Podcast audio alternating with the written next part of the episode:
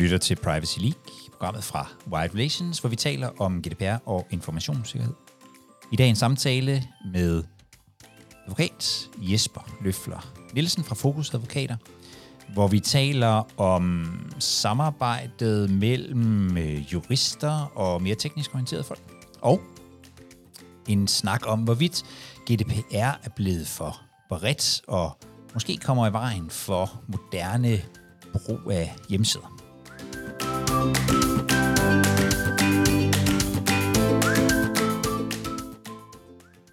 Og jeg sidder her i dag sammen med dig, Jesper Løfter Nielsen. Velkommen til. Hej. Tak.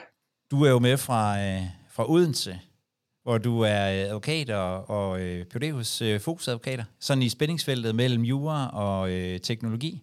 Men øh, velkommen til alligevel, selvom øh, jeg næsten bare er kommet ind hos dig.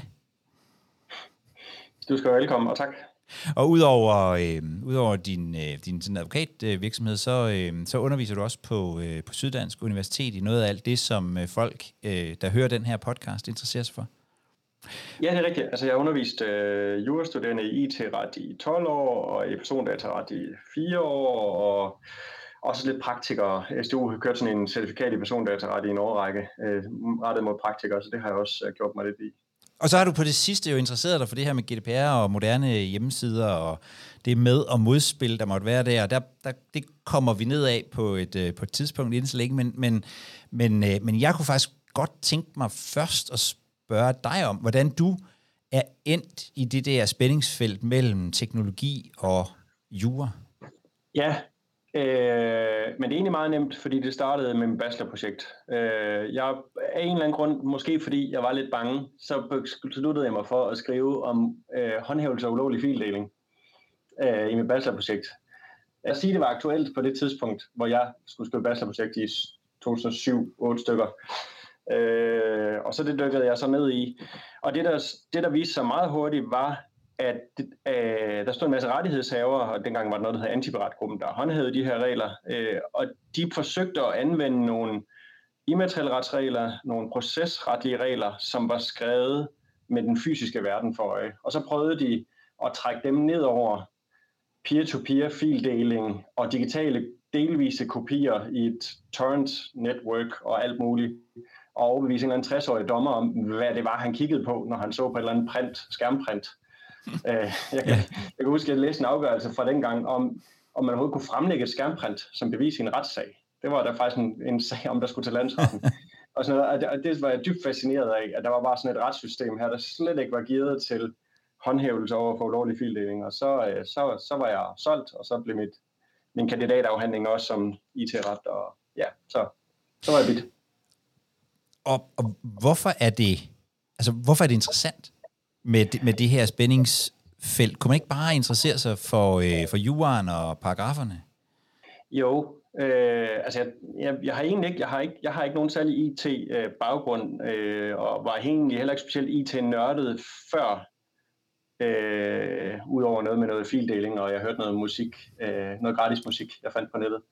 øh, så har jeg egentlig ikke så nogen særlige forudsætninger for det, så jeg ved faktisk ikke lige, hvad det var, der gjorde, øh, at jeg synes, det var så spændende, men jeg tror, jeg tror den der med, at da det gik op for mig, og da jeg begyndte at læse noget teori om, at sige, at det her det er et problem, der har været der i al den tid, der har fandtes digitale teknologier. Altså, der, der findes uh, sådan et, når jeg underviser i de her emner her, og jurastuderende, eller hvad det nu måtte være, så plejer jeg at citere sådan en, en uh, juridisk artikel fra, jeg tror den er fra 1956, eller sådan noget den stil, hvor øh, spolebåndoptageren lige var kommet, og, man, øh, og, og, og, og der var en eller anden ophavsretsekspert, der udtalte, at det kan retssystemet slet ikke. Det er så ikke givet til, jeg brugte et andet udtryk givetvis, men øh, sådan, det var sådan et øh, sådan helt jordskæld for, for retssystemet, at man lige pludselig kunne kopiere ophavsretligt beskyttet indhold på den måde, som man kunne med en spolebåndoptager.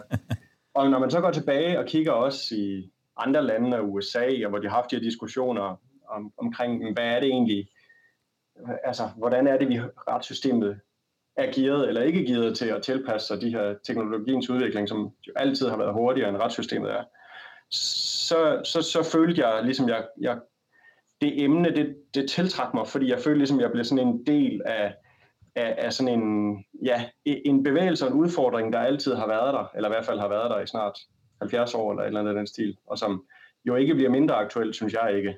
Øh, selvom vi har haft 70 år til at øve os, så går teknologien jo bare endnu hurtigere og bliver endnu vildere. Ja.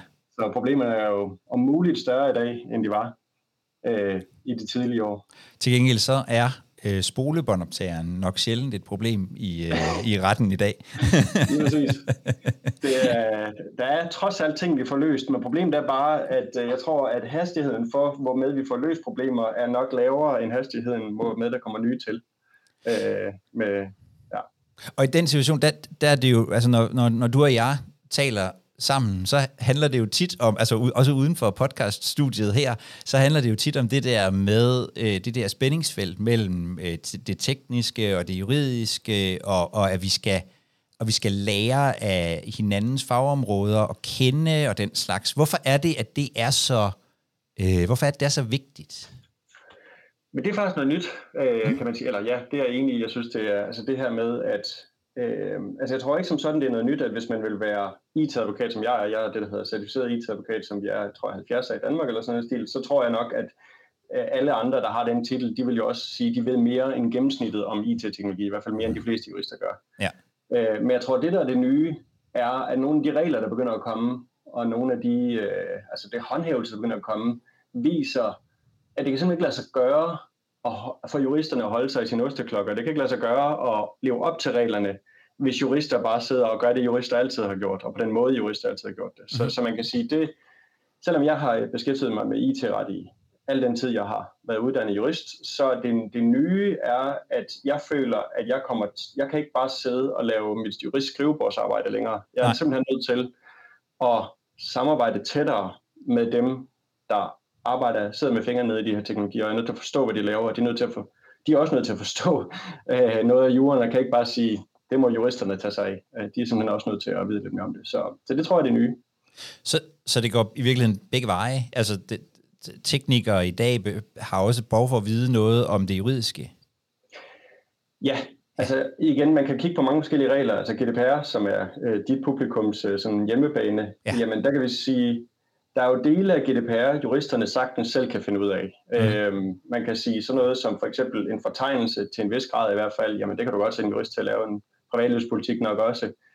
Men når du så læser Datatilsynets cloud-vejledning fra marts, ja. og det spørgeskema, de har lavet om samme emne her i august, mm-hmm.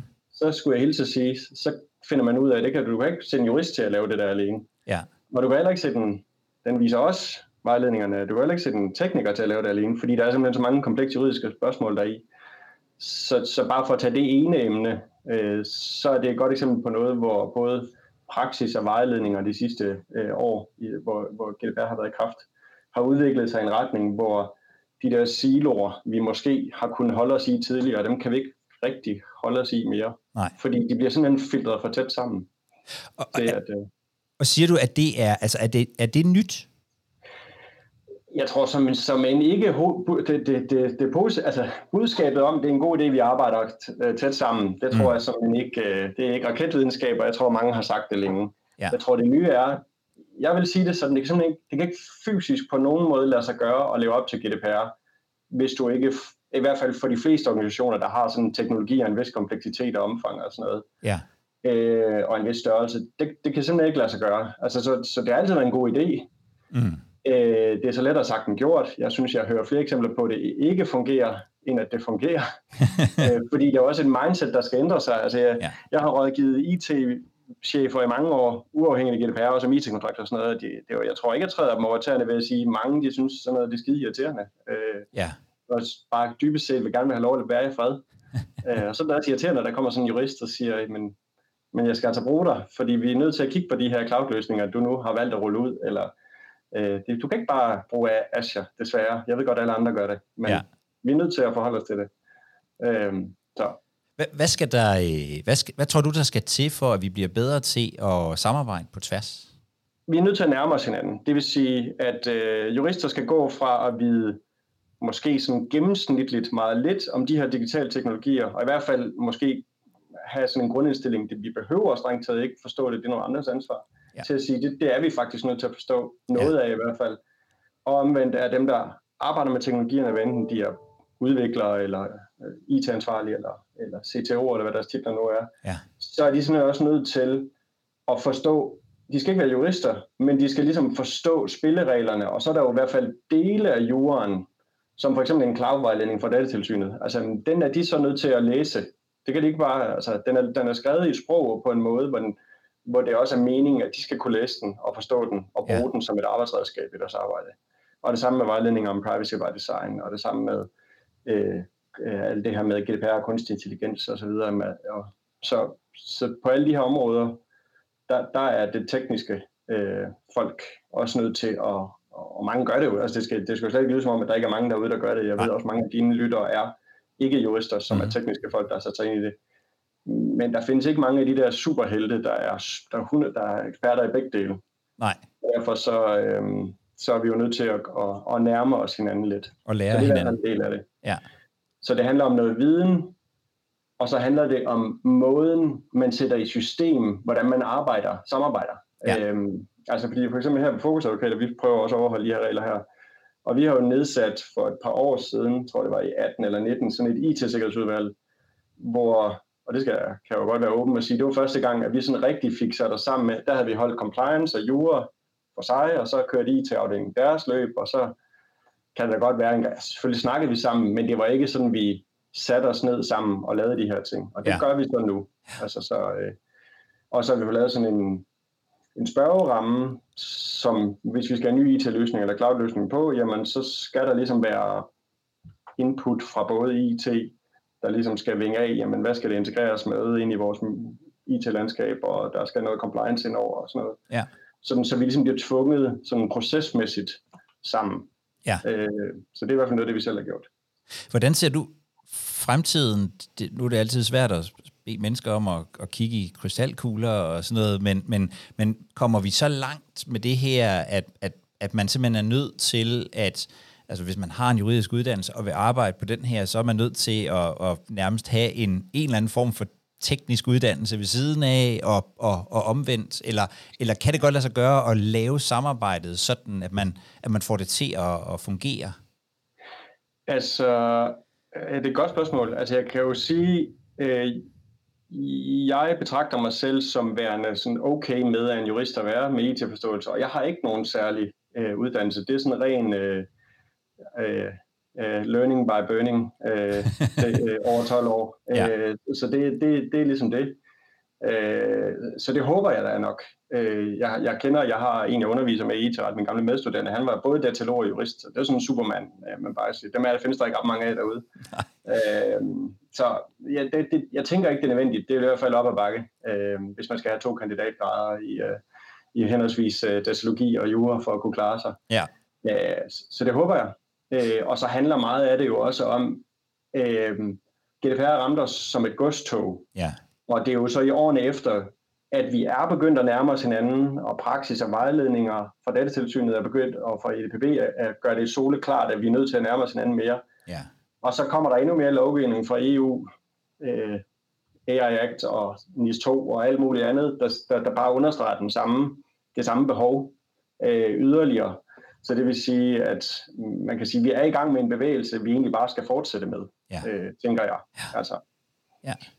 Og jeg tænker også, altså alene åbenhed. Øh, jeg, jeg, jeg tillod mig selv at have en, en, en holdning til noget omkring øh, øh, hele den her sag med Helsingør Kommune, øh, som nok kom til at lyde sådan lidt juridisk øh, i, sin, øh, i sin tilgang. Og så var der jo straks nogle teknikere, der sagde, at vi har de her problemer, har vi jo påpeget for flere år siden. Og det har de jo fuldstændig ret i. Altså, så den der åbenhed for, at, at det her er en vinkel, men der findes i virkeligheden andre vinkler øh, på den samme sag også.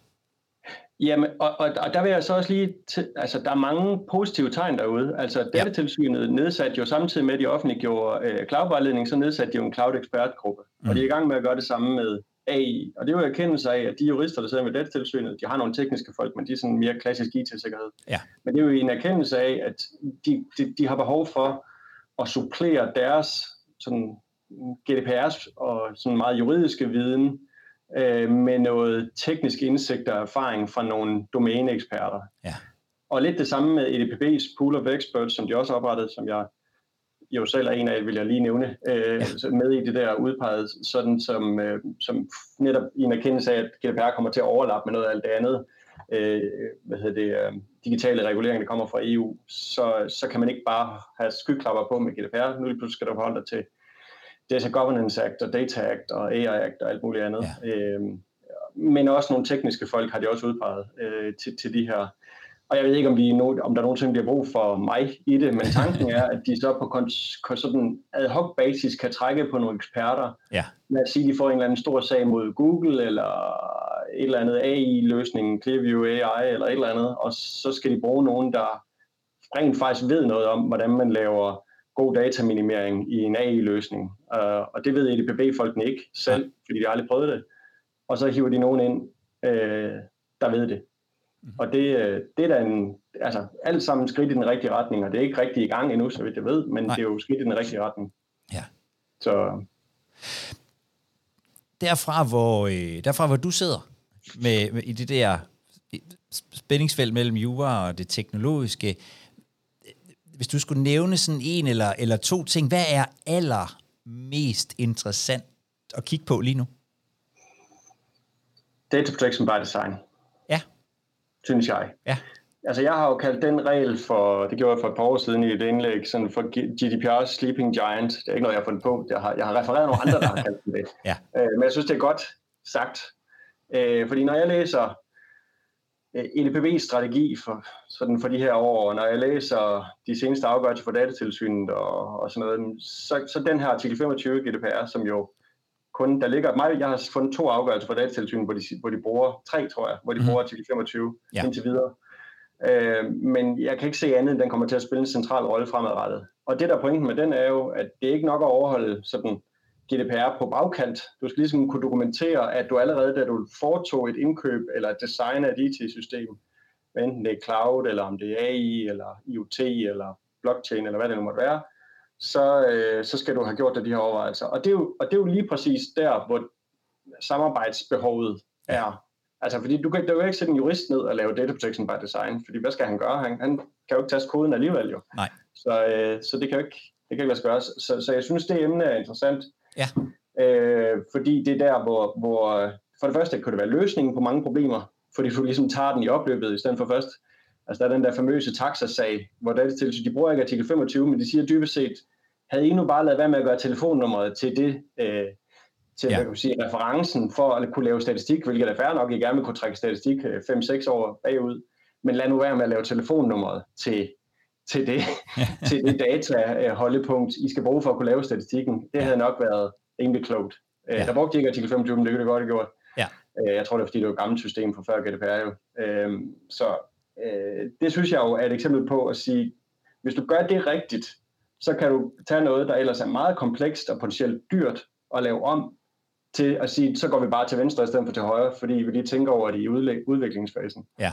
Øhm, fordi det havde ikke gjort nogen, det havde ikke kostet en krone at vælge et andet øh, referencenummer til statistikken end telefonnummer. Altså, Nej. Så, ja. og, og det der med privacy by design, det har du faktisk været så, det har du faktisk været så øh, sød og rar at lave et, øh, et øh, webinar om, sammen, ja. med, sammen med mig på et tidspunkt. Ja. Det linker jeg til i show notes, så kan, så kan folk se det. Ja, det er rigtigt. Det var sidste år eller sådan noget. Ja, lige præcis. Ja. Lige præcis.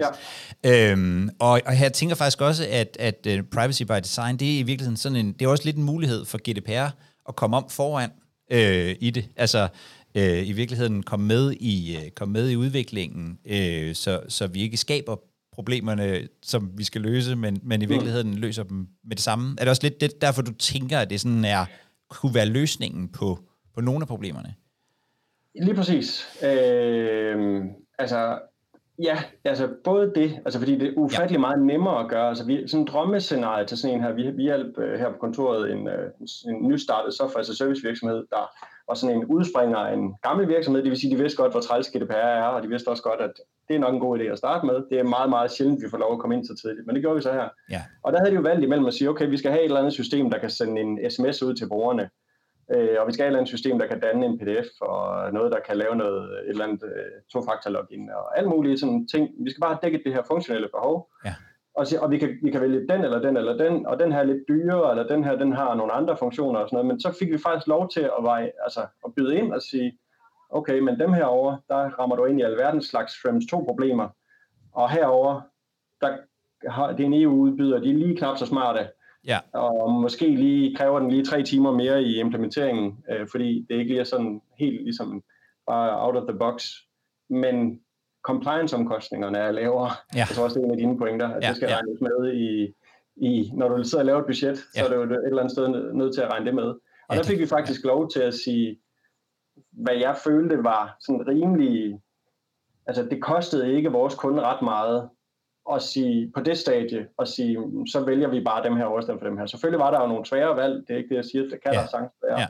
Men de er i hvert fald nemmere at tage på det stadie, end hvis du er taxa, øh, Og allerede har der gjort 10 det. år gammelt legacy-system, og skal prøve at lave det om, Ja, øh, når du har gjort telefonnummeret til, øh, til referencen på al statistik. Øh, ja. Det er i hvert fald dyrt.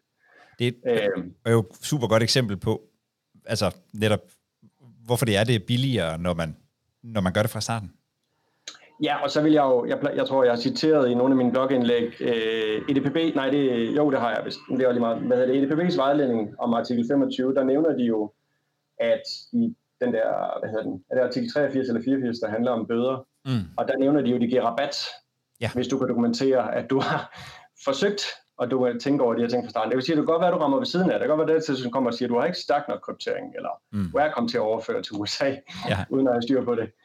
Men vi kan godt se, at vi giver dig point for, at du, du, du prøvede det. Ja, E for og det effort. siger de i deres egen vejledning om emnet. Ja. Bare lige sådan, som salgsargument til ledelsen. Prøv lige at overveje det her. Ja, Eller til jeres CFO, eller hvem fanden det nu, ja, Ja. hvem det nu er, der, der har behov for at blive overbevist om, at det er en god idé. ja. Så Så det er, øh, det er ikke et dårligt sted at dykke ned, hvis man sidder derude som øh, GDPR-ansvarlig og kigge øh, endnu mere på privacy by design. jeg synes, det er spændende. Ja. I hvert fald. Så tænker jeg, at vi skal vende os mod øh, det her med GDPR og, øh, og hjemmesider, fordi du har jo øh, du har lavet lidt af en, øh, en øh, Hercules øh, indsats på det, og skrevet fire øh, lange, gode indlæg om, øh, om, om, øh, om det her med om øh, GDPR. Øh, GDPR og mo- og moderne hjemmesider, tror jeg serien øh, hedder.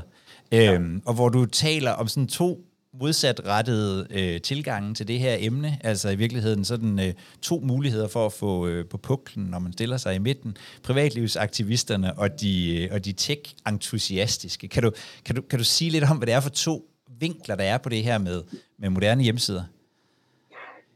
Ja, det kan jeg godt. Altså, ja, til at starte med, da, da jeg gik i gang med, med, med den her serie blogindlæg, og det er, det er sket før, men der, der, der, der, der undervurderede jeg lidt, hvor komplekst et emne det var, jeg kastede mig ud i. Øh, så, øh, men altså, det, det, der startede med at motivere mig, det var, jeg synes, der begyndte at komme nogle afgørelser, som var inde og altså, som viste nogle helt grundlæggende konflikter med sådan, som de fleste hjemmesider er bygget op. Altså, Ja, ikke bare dem der, der er sådan virkelig aggressive i deres, øh, altså et eller andet voldsomt øh, data-sultne. det er ikke kun Google og Facebook. Nej, lige præcis. Ja. Og ikke kun dem der, der bare virkelig snager og altså øh, er nogle øh, datasjuskere. Øh, men, men sådan helt almindelige, sådan som jeg forstod det, sådan som de fleste gængse hjemmesider er bygget op og har været det længe, at det begynder potentielt at komme i konflikt med, med GDPR. Ja. Og, og så kombinerede jeg det med, som du siger, det her med, der synes at være sådan lidt en fløjkrig på emnet. Måske af samme årsag, fordi der er ligesom nogen, der siger, men det er jo sådan, vi har gjort, og, og at internettet har udviklet sig sådan, at vi bruger de smarte værktøjer, der er, og vi bruger noget data analytics til at kunne sige noget om, vores, øh, om folk besøger vores hjemmesider, hvor de kommer fra og så videre, og til at lave målrettet markedsføring, som er mere effektiv, og for at kunne lave reklamefinansiering af en masse sider, som ellers ville skulle koste penge. Det er sådan, Mm. hele internettet er bygget op. Ja. Så det er sådan, vi er inde og pille ved sådan alle byggestenene af internettet, som vi kender det i dag, og så går vi bare ind og siger, ja, men GDPR siger, at det er en dårlig idé, og det er en dårlig idé, og det er en dårlig idé, eller du må, du må, du må godt, men du skal bare lige undgå alle IP-adresser. Nå, okay, det er også nemt at, at, at helt undgå IP-adresser på internettet, der er bygget op omkring udveksling af IP-adresser, Ja. for eksempel. Altså, så jeg synes, det virkede som sådan en, en konflikt på så grundlæggende niveau, så det var sådan lige ved at sige, kan vi overhovedet have et internet øh, mere efter det her, hvis Ja. det her det ligesom fortsætter. Ja. Øh, det, så, øh, så man kan sige, jeg løftede blikket fra de Google Analytics afgørelser, der kom, Ja. og som jo har handler også om, at Google er Google og har de forretningsmodeller, de har. Altså det er der ikke nogen tvivl om, at nogle af de her afgørelser, og, og ikke mindst dri- drivet bag øh, none of your business, øh, som Mm. jo er sagerne i sagerne, og, og, og datatilsynet, jamen det er jo fordi, det er Google, og de vil gerne tage kampen. Ja. Men problemet er jo bare, at når de så kommer med nogle udtalelser, som er brede og sådan er generelt relevant, som vi andre også er nødt til at forholde os til, som for eksempel om en IP-adresse er en personoplysning, om den altid er det, og om for eksempel i den ene af den østriske sager, øh, der siger de jo, ja, det kan godt være, at I anonymiserer IP-adressen, men der går jo øh, 0,3 sekunder, inden I gør det, og hvad hvis NSA snapper den op, inden I når at anonymisere den? Ja. Altså, det, så synes jeg, så er vi godt nok ved at være der, hvor jeg, det, jeg kommer til kort på teknologien, men så kan jeg næsten ikke se, at vi kan få det til at fungere, øh, hvis vi skal helt derud. Ja.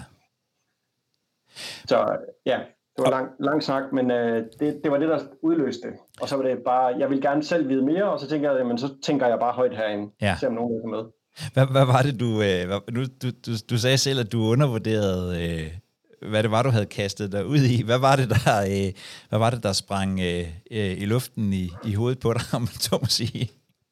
Øh, ja, det, der var flere ting. Altså en Ja. af de ting, der sprang i hovedet på mig, det var det her med øh, samspillet med anden regulering. Altså når man så sådan på kommentarsporet på version 2 og alle mulige andre steder, øh, altså Ja. dem, der Der, hvor du dem, har der lavet... synes, det er øh, godt, ja. dem, der synes, det er godt, der kommer noget håndhævelse, så blev jeg mærke i, at argumenterne for, hvorfor det er godt, der kommer håndhævelse, de var meget forskelligartede. Altså, ja. der, der, nogen siger, det er godt, fordi vi trænger til at få overholdt GDPR. Og nogen siger, det er godt, fordi Google og de andre store har datamonopoler. Mm, Og nogen siger, det er godt, fordi det er sådan hele det der Cambridge Analytica og altså en målrettet markedsføring er ikke godt for os, fordi der kan opstå sådan nogle ekokammer, og det kan udnyttes af hacker og russer og alt muligt andet. Ja. Og sådan, øh, altså det, det var sådan meget, nogen synes det er godt, fordi vi, vil, vi, vi forbrugere, vi får ligesom stjålet vores data uden selv at få noget ud af det. Altså hele det der Susanna Zuboff argument om, at vi ligesom bare er sådan nogle data cows, der bliver malket Ja. for vores data hele tiden. Og det er sådan mere sådan et retfærdighedsargument om, at vi skal da have noget for vores data, hvis nogen skal blive rige på vores data. mm, Så jeg synes, det var sådan mange forskellige argumenter, som ikke nødvendigvis alle sammen hører hjemme under GDPR-hatten, Nej. der blev blandet sammen. Og det var derfor et af mine indlæg, det prøvede at dykke lidt ned i at sige, vi er nok nødt til at skille det ad og sige, okay, GDPR går op i behandling af personoplysninger, og det er det, den er sat i verden for at lave.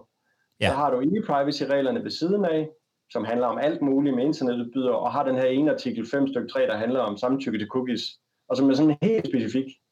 Og så har du nogle nye- forbrugerbeskyttelsesregler, som er indført fra EU her for et år siden, Ja. jeg tror det var, Ja. der, der, der, der faktisk sagde, at hvis vi som forbrugere betaler med vores personoplysninger for en, øh, for en eller anden online tjeneste, jamen så får vi faktisk forbrugerbeskyttelsesrettigheder. Ja. Altså vi skal sidestilles, som om vi havde betalt for løsningen. Mm. Så vi kan klage til Facebook som forbrugere, Ja. selvom vi ikke har betalt for det. Og så har vi ved siden af det, så har vi jo så alt det her Digital Service Act og Digital Market Act, der handler meget om det her med platformenes og, og sociale mediers, øh, alle de udfordringer, de har. Ja. Og det kører ligesom sit eget regulering nu. Så, så jeg tror, at det der først sådan ramte mig, det var, at det, man skal ligesom, det er svært at skille tingene ad, fordi mange af de her holdninger, jeg synes jo, man skal holde GDPR til, at den handler ikke om konkurrence i forhold til, at EU, vi skal bruge EU-udbydere, eller at vi skal nedbryde nogle datamonopoler. Eller det, for Mm. det er ikke det, GDPR er sat i verden for, det er sat i verden for at beskytte personoplysninger. Ja. Og jeg synes bare lige præcis debatten om hjemmesider, der bliver det hele mudret sammen i et stort pærevælling, synes jeg. ja. Så øh, Så, så første udfordring, det var i det hele taget at få, øh, at få afgrænset, og at, så, så det rent faktisk kom til at handle om, øh, om øh, GDPR og, og udfordringer ja. med personoplysninger. Og, og når du så gør det, øh, hvad er så egentlig, altså kan, kan, man, kan, man, kan du sige noget om, hvad er hovedkonklusionen? Er GDPR en, øh, en altså forhindrer det i virkeligheden øh, sådan moderne måder at lave hjemmesider på? jeg tror... Det var det hårde spørgsmål øh, lige her, Jesper, det ved jeg godt. Ja. Øh, for det første, altså for lige at vende tilbage til privacy by design igen, øh, og Ja. data protection by design, der er jo intet, det, det ville være utrolig positivt, hvis vi alle sammen begynder at tænke lidt mere over, hvordan vi designer vores hjemmesider og vores software as a service løsninger og vores sociale medier og alt muligt andet. Det Ja. er en super god idé, lad os endelig gøre det. Ja. Så øh, jeg er ikke imod mere databeskyttelse. Øh, det vil øh, også være underligt at være for mig. Det jeg siger er, at jeg synes, når jeg sådan læser, hvis jeg siger, okay, hvad for nogle afgørelser der er kommet nu, og sådan prøver at strække dem ud til at sige, hvor ender vi henne, hvis vi fortsætter ud af den her brede fortolkning af GDPR, og hvor vi tager alle mulige hensyn ind, der ja, er i hvert fald, ja. om ikke er uden for GDPR, så i hvert fald er i periferien af GDPR, jamen så ender, øh, øh, jeg tror faktisk, den, det vi kalder GDPR-bibelen her på kontoret, som er sådan en stor engelsk bog, der hedder øh, GDPR Commentary af nogle øh, juridiske professorer, ja. Kuhner blandt andet, der siger de, at det, hvis man ikke passer på, så ender GDPR med at blive the law on everything. Altså så er det mm. bare en, et regelsæt, sæt, hvor næsten uanset hvad vi er utilfredse med, så kan vi slå nogen oven i hovedet med GDPR.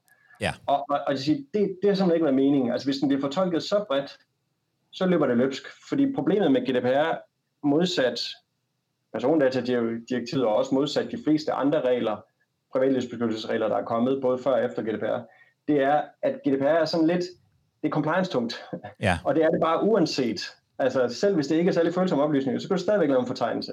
Du skal stadigvæk have databehandleraftaler. Du skal stadigvæk føre tilsyn med dine databehandler. Du skal stadigvæk styre på dine tredjelandsoverførsler. Selv hvis du er en, altså en privat børneinstitution med, ja. med 70 børn, jamen der står ikke i GDPR, du kan bare lade være med de her ting. Mm. Øh, det kan godt være, at der bliver set lidt mildere på dig, hvis der kommer der håndhævelse, men strengt taget, så, det, så ruller compliance monstret, som GDPR er blevet kaldt, det, den, den bliver jo slået løs lige så snart du er indenfor. Øhm, og det er derfor, at det er, vi har lidt mere grund til at være kritiske med, hvor vi sætter grænsen for GDPR, end hvis man for eksempel har nogle privatlivsregler, hvor man siger, der er de her grundlæggende principper for god databeskyttelse. Lad os alle sammen være enige om, at dem skal vi helst overholde. Mm. Altså, hvis man har sådan en lidt blødere regulering, som man har nogle andre steder, men så, kan man, så er det måske ikke så vigtigt at sætte faste grænser op, fordi det er en god idé at tænke over de principper. Og det var jo lidt sådan, persondatadirektivet var jo lidt sådan. Altså der var det lidt mere, der var noget med behandlingsgrundlag, og der var også noget med sikkerhed, men det var i så generelle vendinger, og du havde ikke ansvarlighedsprincippet og kravet om dokumentation. Så det var ikke så compliance-tungt. Nej. Øhm, så det er fordi, det er blevet så compliance-tungt, at, at jeg faktisk synes, at vi er nødt til at være lidt mere kritiske for, hvor meget vi breder GDPR ud. Øhm, for ellers så kan jeg simpelthen ikke se, at det kan, ja, det kan ikke ende godt. Nej. det kan simpelthen ikke, øh, det kan jeg ikke se. Jeg, jeg, jeg tror, det var øh, Martin von Haller Grønbæk, som interviewede for nylig, og sagde, at, det, at GDPR har sådan en, en, en mulighed for at blive den nye den nye injurie-lovgivning. Altså sådan en, der ja. ligesom kan bruges på alt muligt. Øh, ja. Hver gang vi suger på nogen, så, øh, så øh, der, har, der, har, der har krænket os i godsøjne, så, så handler det om GDPR, ikke om alt muligt andet. At, at, at i virkeligheden, at det, det er sådan en, et, et spørgsmål om, hvor vi, får, hvor vi ligesom får sat grænserne for, for, øh, for, for, for GDPR. Hvor, hvor, hvor, hvor, hvor, hvor tænker du, vi står sådan lige nu, hvis du sådan skal se på det? Har vi fået det, er det blevet grænset nogenlunde ind på nuværende tidspunkt, eller har vi behov for mere? Hvordan, hvad tænker du der? Nej, altså jeg Øh, jeg vil godt erkende, at det, der, det kan sagtens være, at jeg har overset et eller andet, men som jeg ser det lige nu, og jeg har trods alt øh, sådan i al ubeskedenhed skrevet øh, to UFR-artikler om, omkring, øh, hvor jeg har dykket ned i det her med definitionen på personoplysninger, og hvornår man er indenfor og udenfor og sådan noget. Og, og altså, så vidt jeg kan se, så er vi simpelthen i sådan et, et afklaringsvakuum lige nu, hvor øh, vi har GDPR's overlyd, og det vil sige definitionen på personoplysninger i artikel 4, og vi har nogle preambelbetragtninger, der siger, kommer med sådan nogle brede sætninger omkring, at nogle gange kan online identifikatorer være til sammen øh, medføre, at man kan identificere en person osv. Og det kommer jo sådan nogle, og de nævner også cookies sådan lidt en sidebemærkning, men det er alt sammen sådan meget kryptisk og sådan lidt bredt formuleret, nok fordi det var et politisk kompromis, fordi ja. der var slagsmål om, mm. det skulle vedtages. Og så har vi nogle EU-domstolsafgørelser, der også efterlader en masse spørgsmål øh, åbne. Og vi har så det meste af det, der kommer fra datatilsynene, synes at være udvidende hver eneste gang. Altså hver eneste gang et datatilsyn, enten i en afgørelse eller en vejledning, udtaler sig om det her emne, så synes jeg, de har en tendens til at sige, Ej, lad os hellere være på den sikre side. Altså hvis, hvis det kunne teoretisk set lade sig gøre, at nogen nogensinde kunne finde ud af, med en vis sandsynlighed, hvem den her person er, så lad os hellere fra den sikre side. Øh, ja. Og det er jo, uden at sådan lægge ord i munden på datatilsynet, så er det det, de siger i deres vejledning og hjemmesidebesøgende. Med forbehold for en konkret vurdering, så vil datatilsyn være den opfattelse, at de fleste data, der bliver registreret på en hjemmeside, er inden for GDPR. Det, det, det, sådan, det siger de. Ja. Øhm, og, og så får man vel i virkeligheden, så får man smidt øh, sådan fuldstændig i gåseøjne ligegyldige oplysninger sammen med nogle meget følsomme, for eksempel. Øh, ja, yeah, vi har jo stadig, ja, det er lidt det der mit, altså, nej, du har jo stadigvæk sondringer, og der er jo stadigvæk øh, altså artikel 9 og, ja. mm. og altså, øh, altså alle de her med høj risiko og som udløser konsekvensanalyser og det der, så der er jo stadigvæk steder i, i GDPR, hvor, hvor trods alt er der jo ny, noget nuancering. Men de fleste regler i GDPR følger jo anvendelse lige snart bare inden for GDPR. Ja. Og så kommer der bare lige et ekstra lag på, når de er følsomme. Ja. Og det er det, der jeg synes, der er en pointe at sige, og det er egentlig også den her det store, tunge GDPR-bog, jeg nævnte tidligere, pointe at sige, jamen problemet er, at vi er svært nok, datatilsynet har få nok ressourcer i forvejen, og det er svært nok og tungt nok for virksomheder og myndigheder at gøre, hvad de bør gøre i forvejen. Hvis vi så bare fortsætter med at sige, jamen alle tænkelige data, som vi øvrigt får flere og flere af, ja. jamen, bare for en sikkerheds skyld, så tager vi det hele med, ind under mm. den her kæmpe hat. Så øh, jeg, jeg kan ikke se, at det ender godt. Det er sådan set min pointe. Og jeg vil hellere have, at vi bruger ressourcerne på noget af det, der utvivlsomt er personoplysninger. Altså jeg udfylder jo en kontaktformular, hvor jeg skriver mit navn og CPR-nummer og alle mulige, altså hver anden dag. Og det vil jeg da hellere have, hvis der nu får styr på det i hvert fald, fordi det ved jeg, det kan identificere mig. Ja. Øh, og så måske, hvis der er en eller anden analytics, om det så er Google eller noget andet, sat op til at registrere, at jeg har besøgt en hjemmeside, eller at min IP-adresse mm. har besøgt en hjemmeside. Jeg synes bare ikke, det er der, vi skal bruge krudtet, altså for at være helt ærlig. Ja. Øhm, og ja, jeg ved ikke... Har, øh, har, har du et bud på, hvordan man kunne afgrænse er det, ja, er det, er det, det har jeg. Ja. øh, og jeg holdt oplæg om det her emne til, uh, til, til, til version 2-konferencen i uh, tidligere på året, uh, hvor jeg også havde det med. Altså jeg synes, at det engelske datatilsyn, der jo kan gøre lidt, lidt mere, som det passer dem for tiden, ja. øh, de har offentliggjort et udkast til en, en, fire vejledninger med anonymisering. Øh, Altså det der pointen, det er, at hvis, ifølge, altså sådan som jeg ser det, så er der både usikkerhed om, hvad der udgør personoplysninger til at starte med, ja og der er usikkerhed om, hvis vi siger, det er personoplysninger, men vi gerne vil have det ud af GDPR igen, nemlig via anonymisering, hvordan, hvad er så nok anonymisering? Ja. Og, og man kan sige, at den sidste del af spørgsmålet, at, at det engelske datatilsyn for nylig dykker ned i, og hvor de, hvor de sådan tager tyren ved hornene og siger, men i praksis, der kan du næsten aldrig lade sig gøre, i hvert fald hvis du har store nok datasæt, at komme til 100% anonymitet, anonymisering. Nej. Og og så, siger de, så arbejder de med sådan en skala med fem trin, og hvor de siger, på de, jeg tror det er på de to øverste trin, kan du tillade dig at se bort fra altså, og, ja. og, altså, så længe du har begrundet det, og du skal ligesom kunne give datatilsynet i øjnene og sige, hvorfor har du truffet den beslutning, men så vil vi, så vil vi godtage, at du anser det her, de her datasæt eller de her behandlinger for at være uden for GDPR. Ja. Og, og, og den tilgang kunne godt være løsningen. Øh, og altså det, det vi har lige nu, det er, at vi har en artikel 29-gruppen vejledning fra 2007 på, hvad persondata er, øh, og vi har en artikel 29-gruppen vejledning fra 2014 på, hvad anonymisering er. Og ja. i, altså, jeg skulle hilse at sige, at teknologien har ændret sig i mellemtiden.